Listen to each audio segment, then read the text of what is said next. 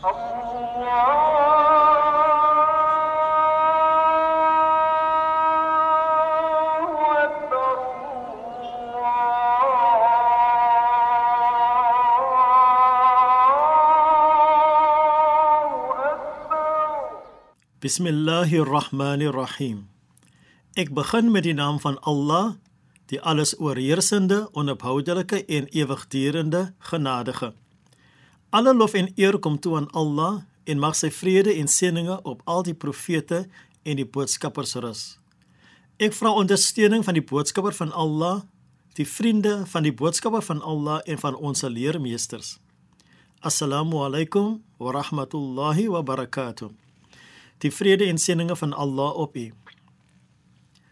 Aan die begin van Surah Al-Baqarah sê Allah, Allah Alif Lam Mim. Hierdie is 'n boek waarin daar geen twyfel is nie en 'n leiding vir diegene wat bewus is van Allah. Dit wil sê die muttaqin. Hulle glo in dit wat hulle nie kan sien nie. Dit wil sê die ghaib.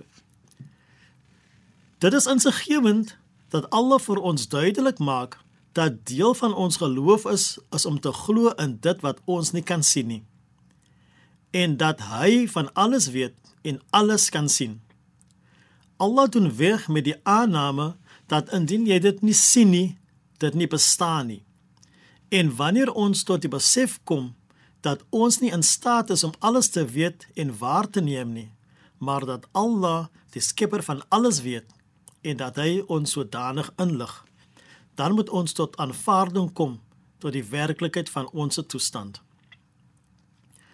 Wanneer ons weier om hierdie waarheid te erken, is dit die piek van hoogmoedigheid. En die Nabi vrede en seëninge op hom het gesê dat enige een wat 'n greintjie hoogmoedigheid in hom het, sal nie die reuk van die paradys ervaar nie. In essensie is hoogmoedigheid wanneer jy meer van jouself dink en jouself probeer verhef en by implikasie is jy dan besig om vir Allah te probeer verneder.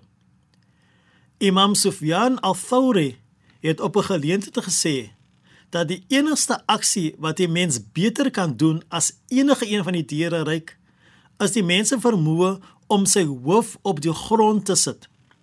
En dit is die rede hoekom Allah die mens anders as die ander diere geskep het om hom te aanbid en die beste aanbidding is wanneer die mens homself verlaag en sy Skepper verhef en dit doen hy deur sy kop op die grond neer te sit. Indien ons kyk na die wetenskap, is die wetenskap nie eens seker van hoe groot die skepping is nie. Die wetenskaplikes kom ooreen en sê dat die skepping met die oerknal gepaard gegaan het en dat indien dit nie presies in lyn gebeur het nie en indien dit selfs met 'n triljoenste van 'n sekonde uit was dat sou die skepping nie gebeur het nie. Dit laat mense verwonderd en stom geslaan dat Allah ons Skepper die skepping met die presisie geskaap het wat dit vereis. O Allah, ons sal nooit in der ewigheid u u skepingsvermoë kan begryp nie. Lei ons sodat ons opreg in ons aanbidding van u kan wees. Amen. Ons vra dit met die seëninge, die goedheid en die geheimenisse van die Surah Al-Fatiha. Bismillahirrahmanirrahim. Ek begin met die naam van Allah, die alles oorheersende en die onverboudelike genadige.